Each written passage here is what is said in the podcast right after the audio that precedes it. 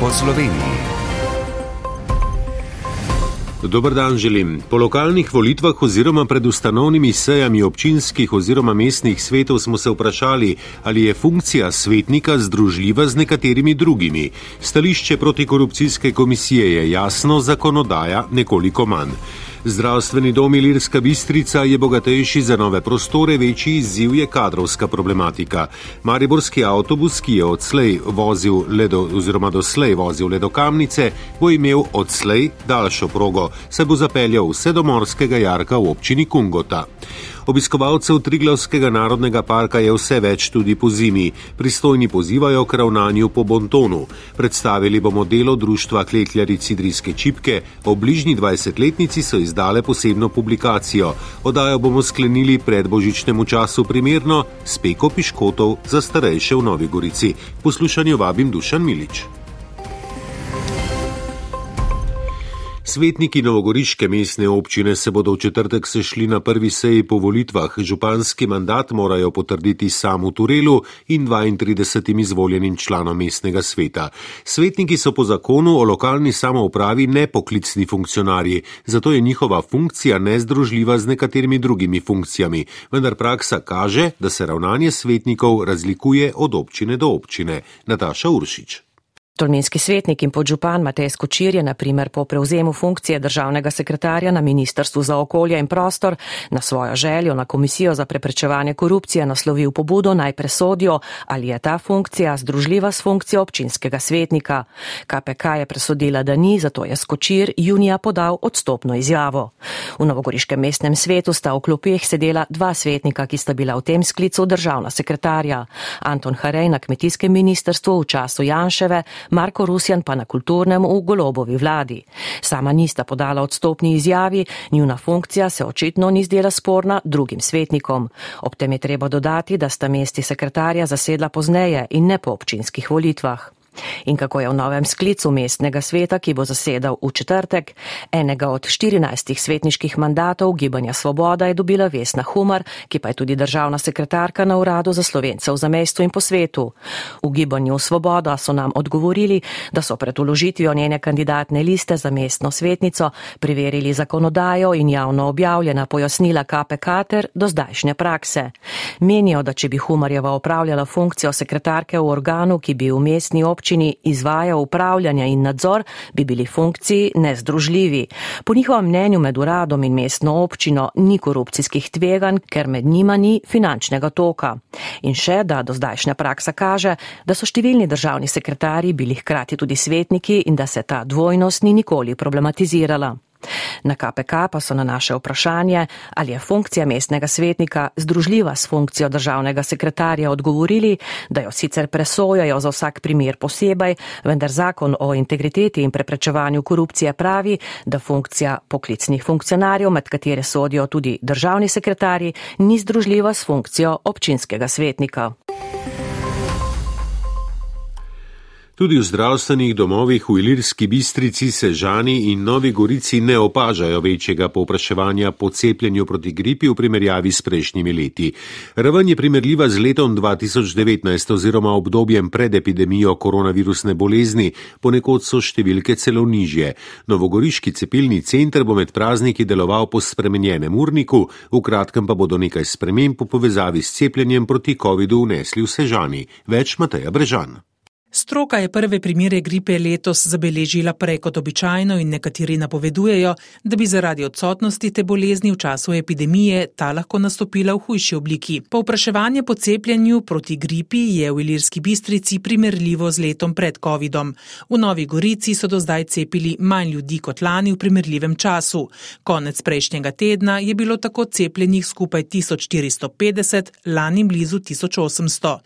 Vodja zdravstvene nege Mojca Mojca Vidic. Je kar občutno manj. Se sicer ljudje še naročajo, nič ni prepozno. Tudi še v januarju je zelo priporočljivo cepljenje. Zdravstveni dom Nova Gorica proti gripi, tako kot proti COVID-u, cepi enkrat tedensko. Med prazniki pa napovedujejo začasne spremembe. Času od 26. decembra pa do 6. januarja bo cepilni center zaprt, v tem času ne bomo cepili. Zadnji teden v decembru tudi telefon za naročanje ne bo deloval. V Sežani proti gripi cepijo v matičnih ambulantah družinske medicine. Do zdaj so cepili 710 odraslih in nobenega otroka. Z odzivi so zadovoljni. V tem času beležijo več sezonskih bolezni, tudi med svojim kadrom, tudi laboratorij je do zdaj potrdil zgolj nekaj primerov virusa gripe. Direktorica Katja Simonič Kneževič. Nekaj najverjetneje se dogaja, no, zdaj, da bi pa prav potrdili zelo veliko število obolelih z gripo, nismo, tako da si pričakujem, ja, da bo pol januarja. V Sežani proti COVID-u cepijo v cepilnem centru, za zdaj še dvakrat mesečno. Kmalu bodo zaradi skromnega zanimanja prešli na enkrat mesečni termin. Občina Ilirska Bistrica je pred dnevi zdravstvenemu domu predala nov 3 milijone evrov vreden prizidek, zdaj pa bodo dejavnosti na tej lokaciji zaživele tudi formalno. Tja so med drugim preselili ambulante družinske medicine, laboratorij in fizioterapijo. Večji izziv pa jim prinaša reševanje kadrovskega vprašanja. Več v prispevku Sabrine Mulec. Površina Ilirsko-Bistriškega zdravstvenega doma se je s 1500 metrov velikim prizidkom podvojila, direktor Boštjan Plešec. Zdajšnje ambulante so bile stare, dotrajane, nefunkcionalne in v bistvu občani definitivno zdaj dobijo lepšo, lepše okolje za ta namen. Medtem ko kader dobi pa strokovno in bolj primerne prostore, lepše opremljene, funkcionalno primernejše, tako da lažje upravljajo svojo dejavnost. Nažalost pa prek razpisov dokaj neuspešno iščejo dva zdravnika družinske medicine, dva zobozdravnika, ginekologa in pediatra. Ocenjujejo, da okrog tisoč občanov nima osebnega zdravnika. Imamo pa kar nekaj ponudb, naprimer z Hrvaške, zdravnikov, ki bi prišli delati, vendar je problem kot povsod jezik. Slovenščina je tisti, razlog, ki povzroča, da ni večjega priliva teh zdravnikov v Slovenijo.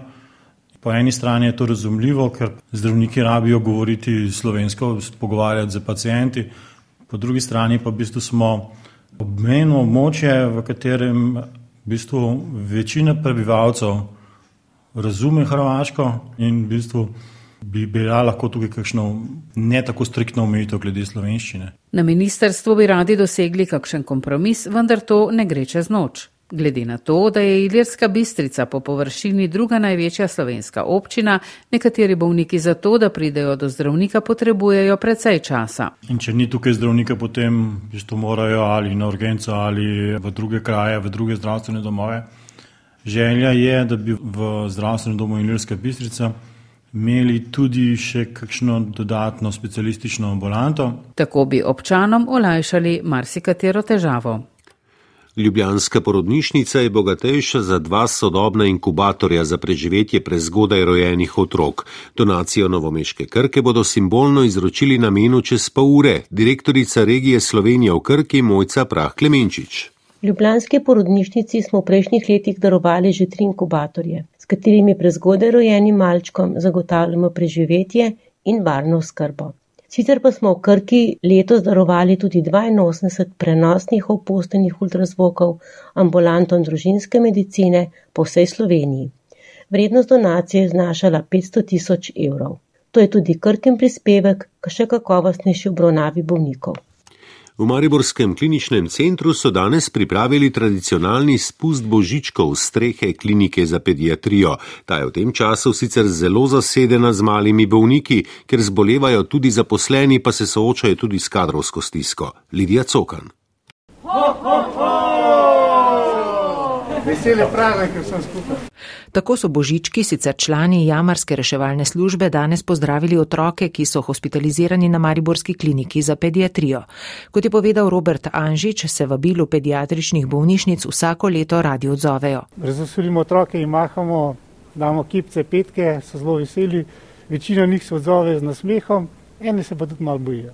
Mariborska klinika za pediatrijo je danes zasedena 130 odstotno, saj je virusnih obolenj res veliko, pojasnjuje predstojnica enote za otroško in mladostniško psihiatrijo Hojka Gregorič Kumperščak. Ob COVID-u zdaj zaznavamo tudi porast uh, gripe in pa vseh ostalih virusov, adenovinusov, RSV-ja, tako da tega je zdaj res ogromno. Bolnike zato začasno nameščajo na zasilna ležišča, kadar je mogoče pa krajšajo čas hospitalizacije. Zbolevajo pa tudi zaposleni, še dodaja Gregorič Kumperščak. Tako da imamo tudi krizo glede kadra trenutno zaradi bolniških odsotnosti. Zelo obremenjena je tudi urgentna ambulanta Mariborske pediatrične klinike in vse pediatrične ambulante. V nadaljevanju bomo opozorili na neprimerno vedenje med obiskom Triglavskega narodnega parka po zimi, s katerim vznemirjamo živali, in na bogato dejavnost društva Klekljari Cidrijske čipke. Najprej pa ostajamo v Mariboru, ostanite z nami. Avtobus v Mariborski avtobusni mreži podjetja Marprom, ki je doslej vozil samo do Kamnice, bo odslej desetkrat dnevno oziroma nekaj manj konec tedna vozil vse do Morskega jarka v občini Kungota. Gre za podaljšano avtobusno povezavo med dvema občinama v okviru mestnega prometa, s tem pa so zadovoljni tako občani kot vodstvi obeh občin. Tamara Zupani Čučnik. K podaljšanju avtobusne linije med Mariborom in Kungoto so si na obeh občinah prizadevali že dalj časa. Gre za pilotni projekt in če bodo potniki izkazali interes, bodo z linijo tudi nadaljevali. Podžupan mestne občine Maribor samo Peter Medved. Zdaj samo eh, izvedba te linije bo za mestno občino Maribor stala 18 tisoč evrov, občina Kungoto 2 tisoč evrov, tako da so oni na boljšem. Sam sem se zavzemal za strošek 50-50, ampak na koncu tako je spadlo, da je več strošek na nas. Gre za primer dobre prakse in s projektom so zelo zadovoljni, pravi županja Kungote Tamara Šnofel. Na podlagi številk se bomo seveda potem odločili tudi, eh, kako in kaj v prihodnje. Zato že sedaj apeliram na občane naj uporabljajo avtobus eh, mestnega potniškega podjetja Marprom, ker na podlagi tega bomo seveda konkretne odločitve tudi sprejeli potem v prihodnih letih. Med prvimi občani, ki je preizkusil podaljšano linijo mariborskega potniškega prometa, je gospod Stanko. To je zelo koristno za te kraje tu, ker ni bilo nobene povezave avtobusne. Do prvega avtobusa si imel najmanj dva km. Na Marpromu so veseli, kadar lahko pomagajo občanom tako Mariborske kot sosednjih občin in naredijo njihove potovalne navade prijetnejše, pravi direktor Marproma Ranko Šmigoc. Jasno je, da si vsi želimo sodoben vozni park, eh, digitalne eh, platforme in vse, kar je povezano danes z sodobnimi potovalnimi navadami, vendar je pač tranzicija iz obstoječega stanja v tisto daljno želeno, eh, pač neka pot, katero bomo mogli prehoditi. In verjame, da so na dobri poti.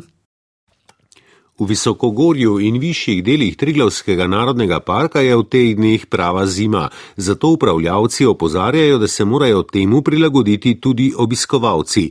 Njihovo število strmo narašča, zato je še toliko pomembneje, da se čim prej spremenijo tudi navade, predvsem kar zadeva mobilnost. Ponudbe javnih prevozov je vse več, dviguje se tudi zavest obiskovalcev, čeprav bi si želeli, da bi ta proces, pravi odgovorni, potekal še hitreje. Romane Rjavec. Triglavski narodni park je cilj številnih ljubiteljev, predvsem rekreacije, tudi po zimi. In kot pravi Tanja Menegalija, od njih se v tem letnem času, ko narava potrebuje še več posluha, zato pričakuje. Spoštljivo obiskovanje, to se pravi, da se držijo nekih pravil. Moramo vedeti, da nismo sami, da so tam tudi eh, živijo določene živali, ki, za katere je ta obisk izredno moteč v zimskem času, ko se borijo za preživetje, ko jim primakuje hrane in je vsak njihov premik lahko usoden. To se pravi, hodimo v tišini, ne zahajamo v bistvu v te predele, ki so določene kot mirna območja. Ena najbolj obremenjenih točk po zimi je kot rečeno pokljuka, zato Triglavski narodni park in lokalne skupnosti zadnje leta pospešeno krepijo mrežo javnih prevozov, saj prav pločevina, pravi direktor Tit Potočnik, predstavlja največji problem. Vsako leto je več, na tem bomo sigurno ustrajali. Edini cilj je dejansko, da je individualnega prometa v parku manj, vozni redi so objavljeni, tako da vse obiskovalce obiskovalce pozivam, da se z njimi seznanijo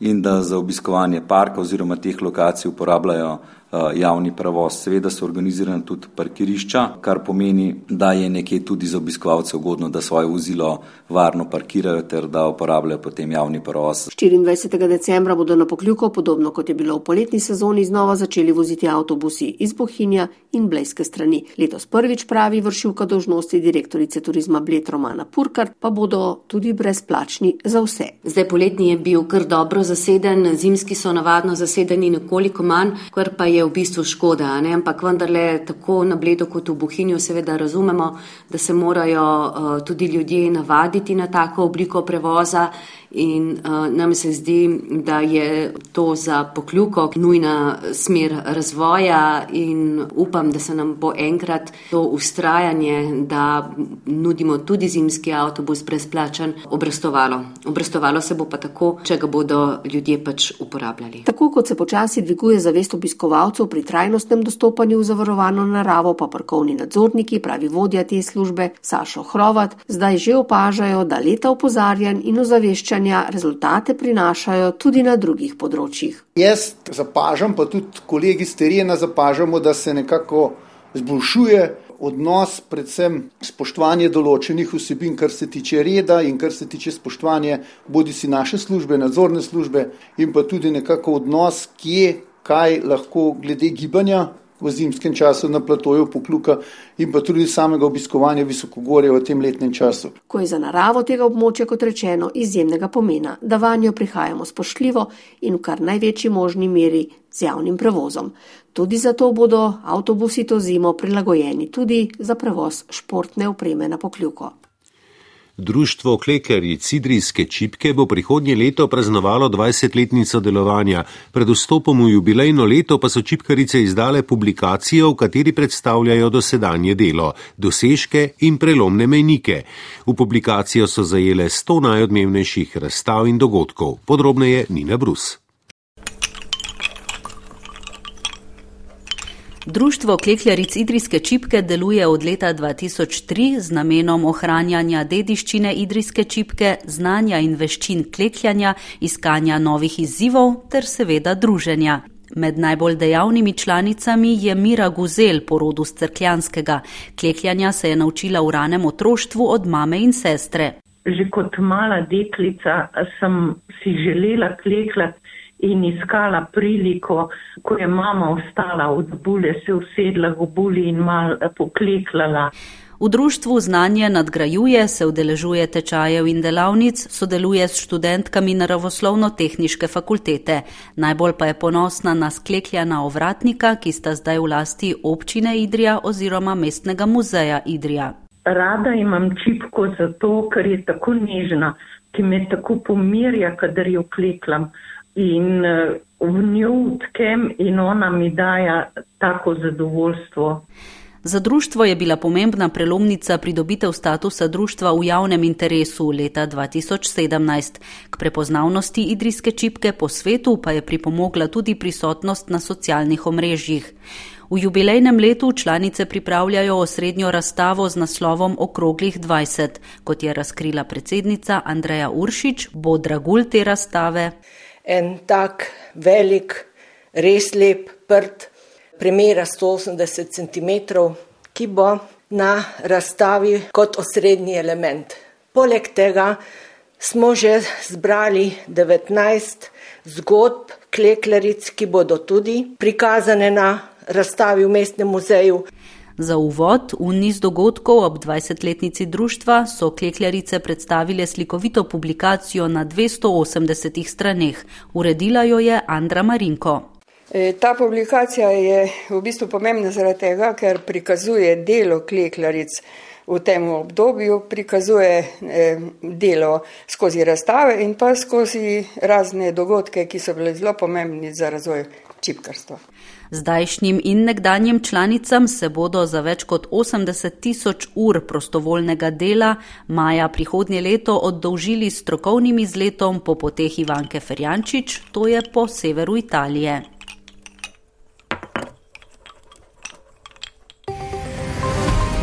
Po Sloveniji.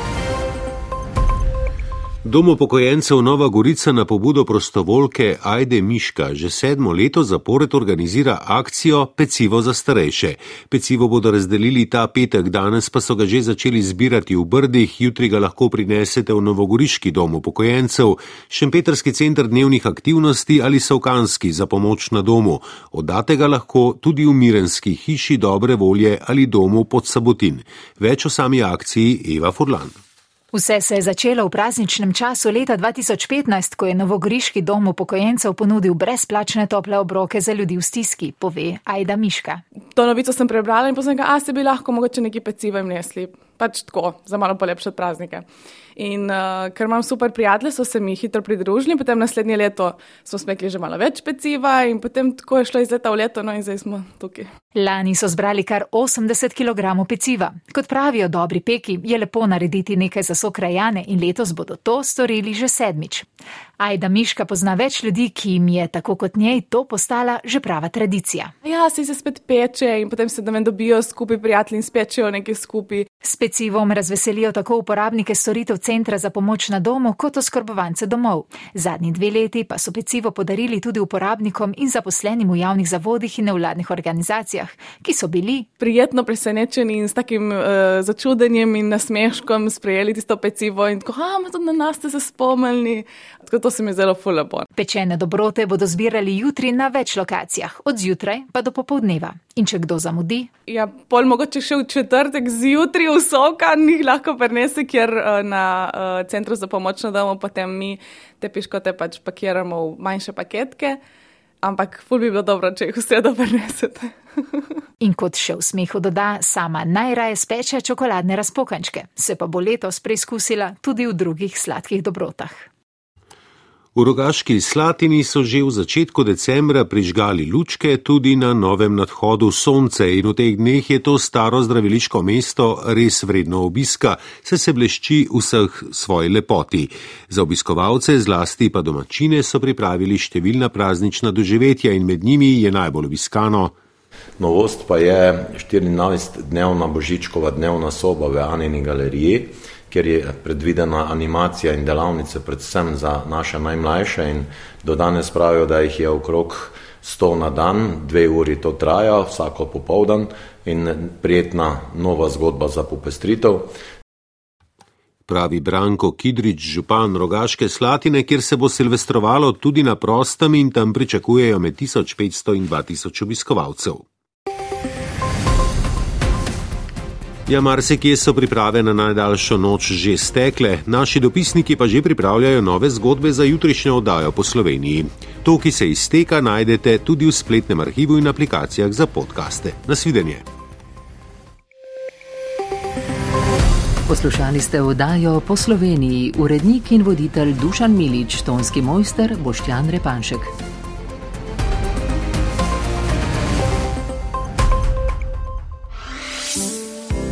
Vsako božično drevo